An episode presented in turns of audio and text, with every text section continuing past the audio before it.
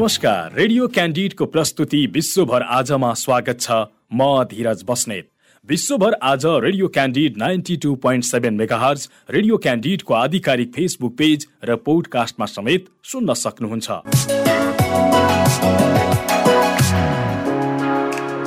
विश्वभर आजमा हामी विश्वभर घटेका ताजा र विशेष घटना समेटिएका समाचार सामग्री प्रस्तुत गर्दै आएका छौँ। विश्वभर आज हरेक दिन बेलुका आठ बजेको क्यान्डिड फटाफटपछि प्रसारण हुँदै आएको छ। विश्वभर आज भएका प्रमुख घटनाहरू जुन तपाईँले जान्न खोजिरहनु भएको छ वा जान्नै पर्ने केही विशेष छ जुन घटनाहरू प्रस्तुत गर्दै हुनुहुन्छ सहकर्मी यमुना राणा र विद्या तामाङ।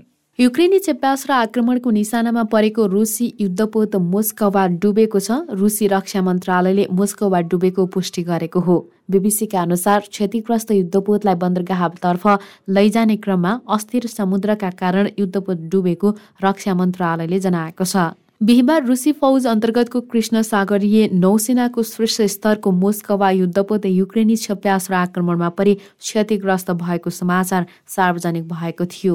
युक्रेनले भने नेप्चुन नामक क्षेप्यास्त्र आक्रमणका कारण युद्धपोत ध्वस्त भएको जनाएको छ। यद्यपि रुसी पक्षले भने युद्धपोतमा आगलागी भएको स्वीकार गरे पनि के कारणले आगलागी भएको हो भन्ने खुलाएको छैन। बीबीसीका अनुसार रुसी रक्षा मन्त्रालयले युद्धपोतमा लागेको आगोले युद्धपोतको गोलीगट्टा भण्डारणमा विस्फोट भएको बताउने गरेको छ। आक्रमणका बेला युद्धपोतमा पाँच सय दस चालक दलका सदस्य रहेको युक्रेनी पक्षको भनाइ छ। गत फेब्रुअरी चौबिसमा युक्रेनमाथि रुसले आक्रमण थालेको प्रारम्भिक केही दिनहरूमा मुस्कवा युद्धपोतले कृष्ण सागरको तटमा रहेको युक्रेनको स्नेक टापुमा रहेका रक्षकलाई आत्मसमर्पण गर्न प्रस्ताव गरेका थिए। प्रस्तावको जवाफमा टापुका रक्षकहरूले मुस्कवालाई नक जान भनेका थिए। उन्नाइस सय अस्सीको दशकको सुरुमा तत्कालीन सोभियत सङ्घमा निर्मित युद्धपोतलाई सुरुवाती चरणमा स्लाभा नाम दिइए पनि पछि नाम परिवर्तन गरेर मोस्कवा राखिएको बिबिसीले जनाएको छ। सन् दुई हजार ताका मात्रै कृष्ण सागरीय नौसेनाको शीर्ष युद्धपोतका रूपमा तैनात गरिएको थियो। युद्धपोत भेदी भुल्कान पी थाउजन्ड क्षेपास्त्र जडित यो युद्धपोतले सिरियामा रुसी सैनिक कारबाहीका क्रममा पनि महत्वपूर्ण भूमिका खेलेको जनाइएको छ।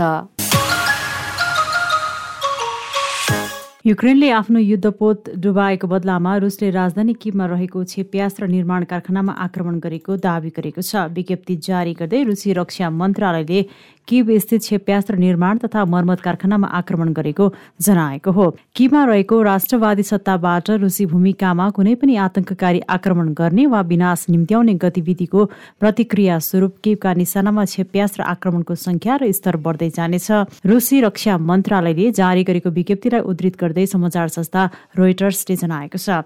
रुसी आक्रमणबाट किबमा शुक्रबार सुनिएका विस्फोटका आवाज दुई साता अघि रुसी फौज किबबाट पछि हटे यताकै सबैभन्दा शक्तिशाली रहेको रोइटर्सले जनाएको छ। कार मर्मत गर्ने पसल चलाउने एक प्रत्यक्षदर्शीले जनाए अनुसार उनले औद्योगिक भवनहरूमा तीनवटा आगोको लपका देखेका थिए। पछि अग्नि नियन्त्रकहरूले सो भवनमा लागेको आगो निभाएका थिए। भवनमा आगो लागेको थियो र म मेरो कारको पछाडि लुक्न गए। अडतिस वर्षीय प्रत्यक्षदर्शी किरिल किरिल्लोले रोइटर्सलाई भने। रुसले युक्रेनमाथि आक्रमण थालेको पचास दिन पूरा भएको छ। यसबारे सन्देश जारी गर्दै युक्रेनी राष्ट्रपति भ्लोदिमिर जेलेन्स्कीले पचास दिनसम्म रुसी आक्रमणबाट रक्षा गर्न उपलब्धि भएको टिप्पणी गरेका छन्। बीबीसीका अनुसार आक्रमणका बेला रुसले पाँच दिनको समय दिएकोमा पचास दिनसम्म मुलुकको रक्षा गर्नु उपलब्धि भएको उनको टिप्पणी छ। तर उनीहरूलाई युक्रेनीहरू यतिसम्म बहादुर छन् भन्ने थाहा थिएन। सन्देशमा जेलेन्स्कीले भने स्वतन्त्रता र आफ्नो चाहना अनुसार जीवन बाँच्ने सम्भावना हाम्रा लागि कति महत्त्वपूर्ण छ भन्ने उनीहरूलाई थाहा थिएन। उनले युक्रेनी नागरिकलाई पनि बधाई दिए। पचास दिनसम्म हाम्रो रक्षा उपलब्धि हो दसौँ लाख युक्रेनीको उपलब्धि हो। गत फेब्रुअरी चौबिस यता रुसले युक्रेनमाथिको आक्रमणलाई जारी राखेको छ। पछिल्लो समय रुसी आक्रमणको प्रमुख निशानामा पूर्वी एवं दक्षिणी युक्रेन रहेको बताइएको छ। गत फेब्रुअरी चौबिसमा रुसले आक्रमण थाले यता पूर्वी युक्रेनको खार्किब क्षेत्रमा हालसम्म पाँच सय भन्दा धेरै गैर सैनिक मारिएका छन्। सामाजिक सञ्जाल टेलिग्राममा सन्देश जारी गर्दै खार्किब क्षेत्रका गभर्नर ओलेको सिनेगुबोभले रुसी आक्रमणका कारण हालसम्म सो क्षेत्रमा पाँच सय तीनजना मारिएको जनाएका हुन्। उनका अनुसार मारिनेमा चौबिसजना बालबालिका समेत रहेका छन्। यो निर्दोष मानिसहरूको जनसङ्ख्या हो। हामी कुनै पनि जीवनका लागि माफ गर्ने छैनौं गभर्नर सिनेगुबोभलाई उद्धृत गर्दै बीबीसीले जनाएको छ। यद्यपि उनको दावीको स्वतन्त्र पुष्टि भने नभइसकेको जनाइएको छ। रुसको सीमाबाट केवल चालिस किलोमिटरको दूरीमा रहेको खार्किबमा युद्ध सुरु हुनु अघि पन्ध्र लाख मानिसहरूको बसोबास रहेको बीबीसीले उल्लेख गरेको छ। पूर्वी युक्रेनका पोपास्ना र रुबिजनी सहरलाई कब्जा गर्ने रुसी प्रयास विफल पारिएको युक्रेनी सेनाले जनाएको छ। युक्रेनी सेनाले विज्ञप्ति जारी गर्दै पूर्वी युक्रेनको डोनेट्सक र टाब्रिया क्षेत्रमा रहेका ती सहरलाई कब्जा गर्ने रुसी प्रयासलाई असफल पारेको जनाएको हो। बीबीसीका अनुसार पछिल्लो चौबिस घण्टामा पूर्वी युक्रेनमा रुसी फौजका आठ आक्रमण असफल पारिएको युक्रेनी फौजको दावी छ। यस क्रममा युक्रेनी फौजले रुसका चार ट्याङ्क छ बख्तरबन्द गाडी चार सैनिक सवारी साधन र एक आर्टिलरी प्रणाली ध्वस्त पारेको युक्रेनी सेनाले जनाएको छ। यद्यपि युक्रेनी फौजको दावीको स्वतन्त्र पुष्टि भने नभएको जनाइएको छ। पछिल्ला केही दिन यता रुसले राजधानी किब आसपासबाट आफ्ना सैनिक फिर्ता बोलाएर आक्रमणलाई पूर्वी तथा दक्षिणी युक्रेनतर्फ केन्द्रित गर्दै आएको छ। अमेरिकी राष्ट्रपति जो बाइडेनले रुसी आक्रमणको सामना गरिरहेको युक्रेनको भ्रमण नगर्ने भएका छन्। व्हाइट हाउसकी प्रेस सचिव जेन साकीले बाइडेनले युक्रेन भ्रमण गर्ने कुनै योजना नरहेको बताएकी हुन्। यसअघि अमेरिकी सञ्चार माध्यममा राष्ट्रपति बाइडेनको प्रशासनले युक्रेनी राष्ट्रपति भ्लादिमिर जेलेन्स्कीसँग भेटवार्ता गर्नका लागि उच्चस्तरीय प्रतिनिधि मण्डल त्यसतर्फ पठाउन लागेको समाचार सार्वजनिक भएको थियो। उक्त उच्चस्तरीय प्रतिनिधि मण्डलमा उपराष्ट्रपति कमला ह्यारिस विदेश मन्त्री एन्टोनी ब्लिङ्केन वा रक्षा रक्षा मन्त्री लोइड अस्टिन सहभागी हुन सक्ने बताइएको थियो। होइन हामीले राष्ट्रपतिलाई युक्रेन पठाउँदैनौ साकीलाई उद्धृत गर्दै अमेरिकी अनलाइन समाचार पोर्टल पोलिटिकोका लागि व्हाइट हाउसका संवाददाता युजिन डानी यल्सले जनाएका छन्। पोर्ट सेभ अमेरिका नामक पोडकास्टमा उनले यस्तो जानकारी दिएको ट्विटर मार्फत डाइनिसले जनाए। रुसी आक्रमणका बावजुद विभिन्न मुलुकका शीर्ष नेताहरूले पछिल्लो समय युक्रेनको भ्रमणलाई तीव्रता बनाएका छन्। बुधबार मात्र पोल्याण्ड लिथुएनिया इस्टोनिया र लातभियाका राष्ट्रपतिहरूले युक्रेनको राजधानी किपको भ्रमण गरी युक्रेनी समकक्षी जेलेन्स्कीसँग भेटवार्ता गरेका थिए। युक्रेनमा तीस भाडाका पोलिस सैनिक मारिएको रुसी रक्षा मन्त्रालयले दावी गरेको छ। उत्तर पूर्वी युक्रेनमा गरिएको आक्रमणका क्रममा तीस पोलिस भाडाका सैनिक मारिएको रुसी रक्षा मन्त्रालयले जनाएको हो। युक्रेनको दोस्रो ठूलो सहर खार्किब नजिकै पर्ने इजिउम्सकोए क्षेत्रमा गरिएको आक्रमणमा उनीहरू मारिएको रक्षा मन्त्रालयको भनाइ छ। रुसका अनुसार सो गाउँमा रुसको रणनीतिक रकेट बलले आक्रमण गरेको अन्तर्राष्ट्रिय समाचार संस्था एएफपीले जनाएको छ।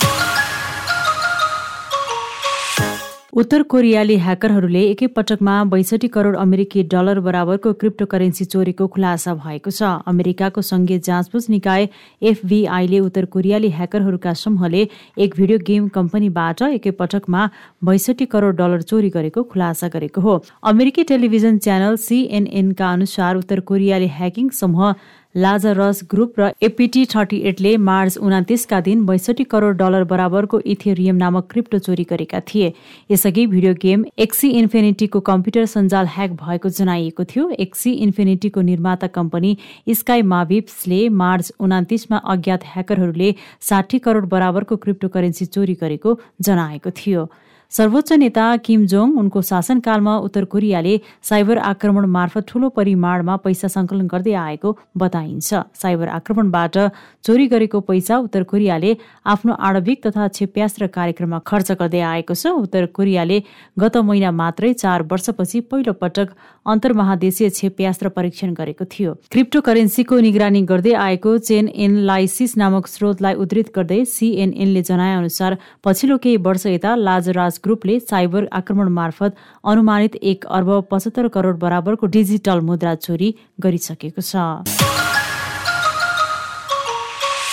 चुनावी प्रचार अभियानमा रहेका अस्ट्रेलियन प्रधानमन्त्री स्कट मोरिसनको सुरक्षा टोली कार दुर्घटनामा परेको छ। अस्ट्रेलियाको तास्मानिया टापुमा चुनावी अभियानका क्रममा प्रधानमन्त्रीको सुरक्षा टोलीको कार दुर्घटनामा परेको बीबीसीले जनाएको छ।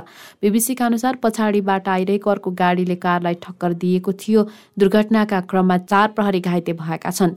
घाइतेहरूको अवस्था सामान्य रहेको र उनीहरूलाई उपचारका लागि अस्पताल लगिएको छ। घाइते हुनेमा तास्मानिया राज्यका प्रहरी बलका दुई र अस्ट्रेलियाको सङ्घीय प्रहरीका दुईजना छन्।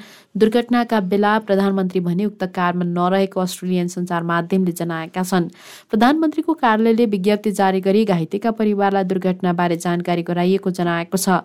आफ्नै सुरक्षा टोलीको कार दुर्घटनामा परेपछि प्रधानमन्त्री मोरिसनले उक्त चुनावी प्रचार कार्यक्रम स्थगित गरेका थिए। अस्ट्रेलियामा आगामी एक्काइस मेमा सङ्घीय निर्वाचन हुँदैछ। चीनले समुद्रमा गस्तीका लागि भन्दै अत्याधुनिक जे ट्वेन्टी लडाकु विमान परिचालन गरेको छ। चीनको सरकार नियन्त्रित अखबार ग्लोबल टाइम्सले चीनको हवाई सुरक्षा तथा सामुद्रिक हितको रक्षा गर्न जे ट्वेन्टी लडाकु विमान परिचालन गरिएको जनाएको हो। अमेरिकी टेलिभिजन च्यानल सिएनएनका अनुसार जे ट्वेन्टी लडाकु विमानलाई पूर्वी तथा दक्षिणी चीन सागरमा तैनात गरिएको छ। दुवै समुद्री क्षेत्रमा विभिन्न मुलुकहरूसँग सार्वभौमिकताको विवाद छ। यता जे ट्वेन्टी निर्माता कम्पनीका प्रवक्ता रेन योकुनले भने नियमित तालिमका क्रममा लडाकु विमान परिचालन गरिएको बताएका छन्। यसअघि रुसी इन्जिन जडान गरिएको जे ट्वेन्टी लडाकु विमानमा पछिल्लो समय भने चीनमै निर्मित इन्जिन प्रयोग हुने गरेको सिएनएनले जनाएको छ। केही साता अघि अमेरिकी सेनाको प्रशान्त क्षेत्र वायुसेना बलका कमान्डर जनरल केनेथ विल्स बाकले चीनको जे ट्वेन्टी विमान पूर्वी चीन सागरमा अत्याधुनिक अमेरिकी लडाकु विमान एफ थर्टी फाइभको सामुन्य आएको जानकारी दिएका थिए। प्रस्तुतिमा हुनुहुन्थ्यो सहकर्मी यमुना राणा र विद्या तामाङ। विश्व गतिविधि रेडियो क्यान्डिडको दैनिक प्रस्तुति हो। तपाईँले रेडियो क्यान्डिडको वेबसाइट आधिकारिक फेसबुक पेज र पोडकास्टमा सुन्न सक्नुहुनेछ। सँगै खबर हब डट कममा पनि विश्व गतिविधि पढ्न सक्नुहुनेछ। भोलि फेरि यसै समयमा विश्व गतिविधि बुलेटिन लिएर उपस्थित हुनेछौँ। आजलाई भने बिदा दिनुहोस्। नमस्कार।